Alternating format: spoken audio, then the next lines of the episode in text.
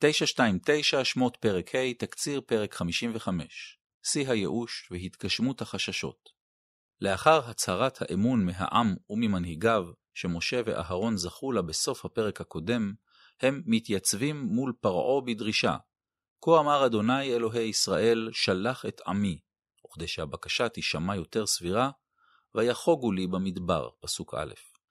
פרעה כצפוי לא מתרשם, לא ידעתי את אדוני, וגם את ישראל לא אשלח, פסוק ב'. במקביל לנפנוף של המנהיגים, פרעה נוקט פעולה לדיכוי רעיונות מסוכנים בקרב בני ישראל עבדיו. תכבד העבודה על האנשים, ויעשו בה, ואל ישעו בדברי שקר, פסוק ט'. מה זה אומר בפועל? תבן, קש, שהוא אחד מחומרי הגלם לייצור הלבנים, לא יסופק עוד לעם, הם יצטרכו לקושש אותו בעצמם ולעמוד באותה מתכונת, מכסת הלבנים. הקושי העצום של העם מביא להפניית אצבע מאשימה כלפי משה ואהרון. הבאשתם את ריחנו בעיני פרעה ובעיני עבדיו, לתת חרב בידם להורגנו. פסוק כ"א. משה מפנה את האצבע אל האלוהים.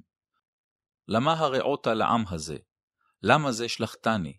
ומאז באתי אל פרעה לדבר בשמך, הרע לעם הזה, והצל לא הצלת את עמך.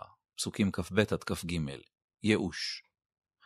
למה כדאי לשים לב בפרק? אחת, חצי שקר, משה לא מבקש לשחרר את בני ישראל ממצרים, הוא רק מבקש לאפשר להם לקיים חג במדבר, אבל הוא לא אומר שיחזרו אחר כך. למה כדאי לשים לב בפרק 2? משה מול פרעה.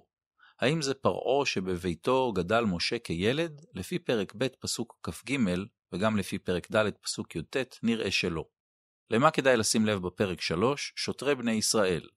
בפרק אנחנו פוגשים את המבנה הארגוני של הפקידות המשעבדת. יש נוגסים מצריים ותחתם שוטרים מבני ישראל האחראים ישירות על העבדים.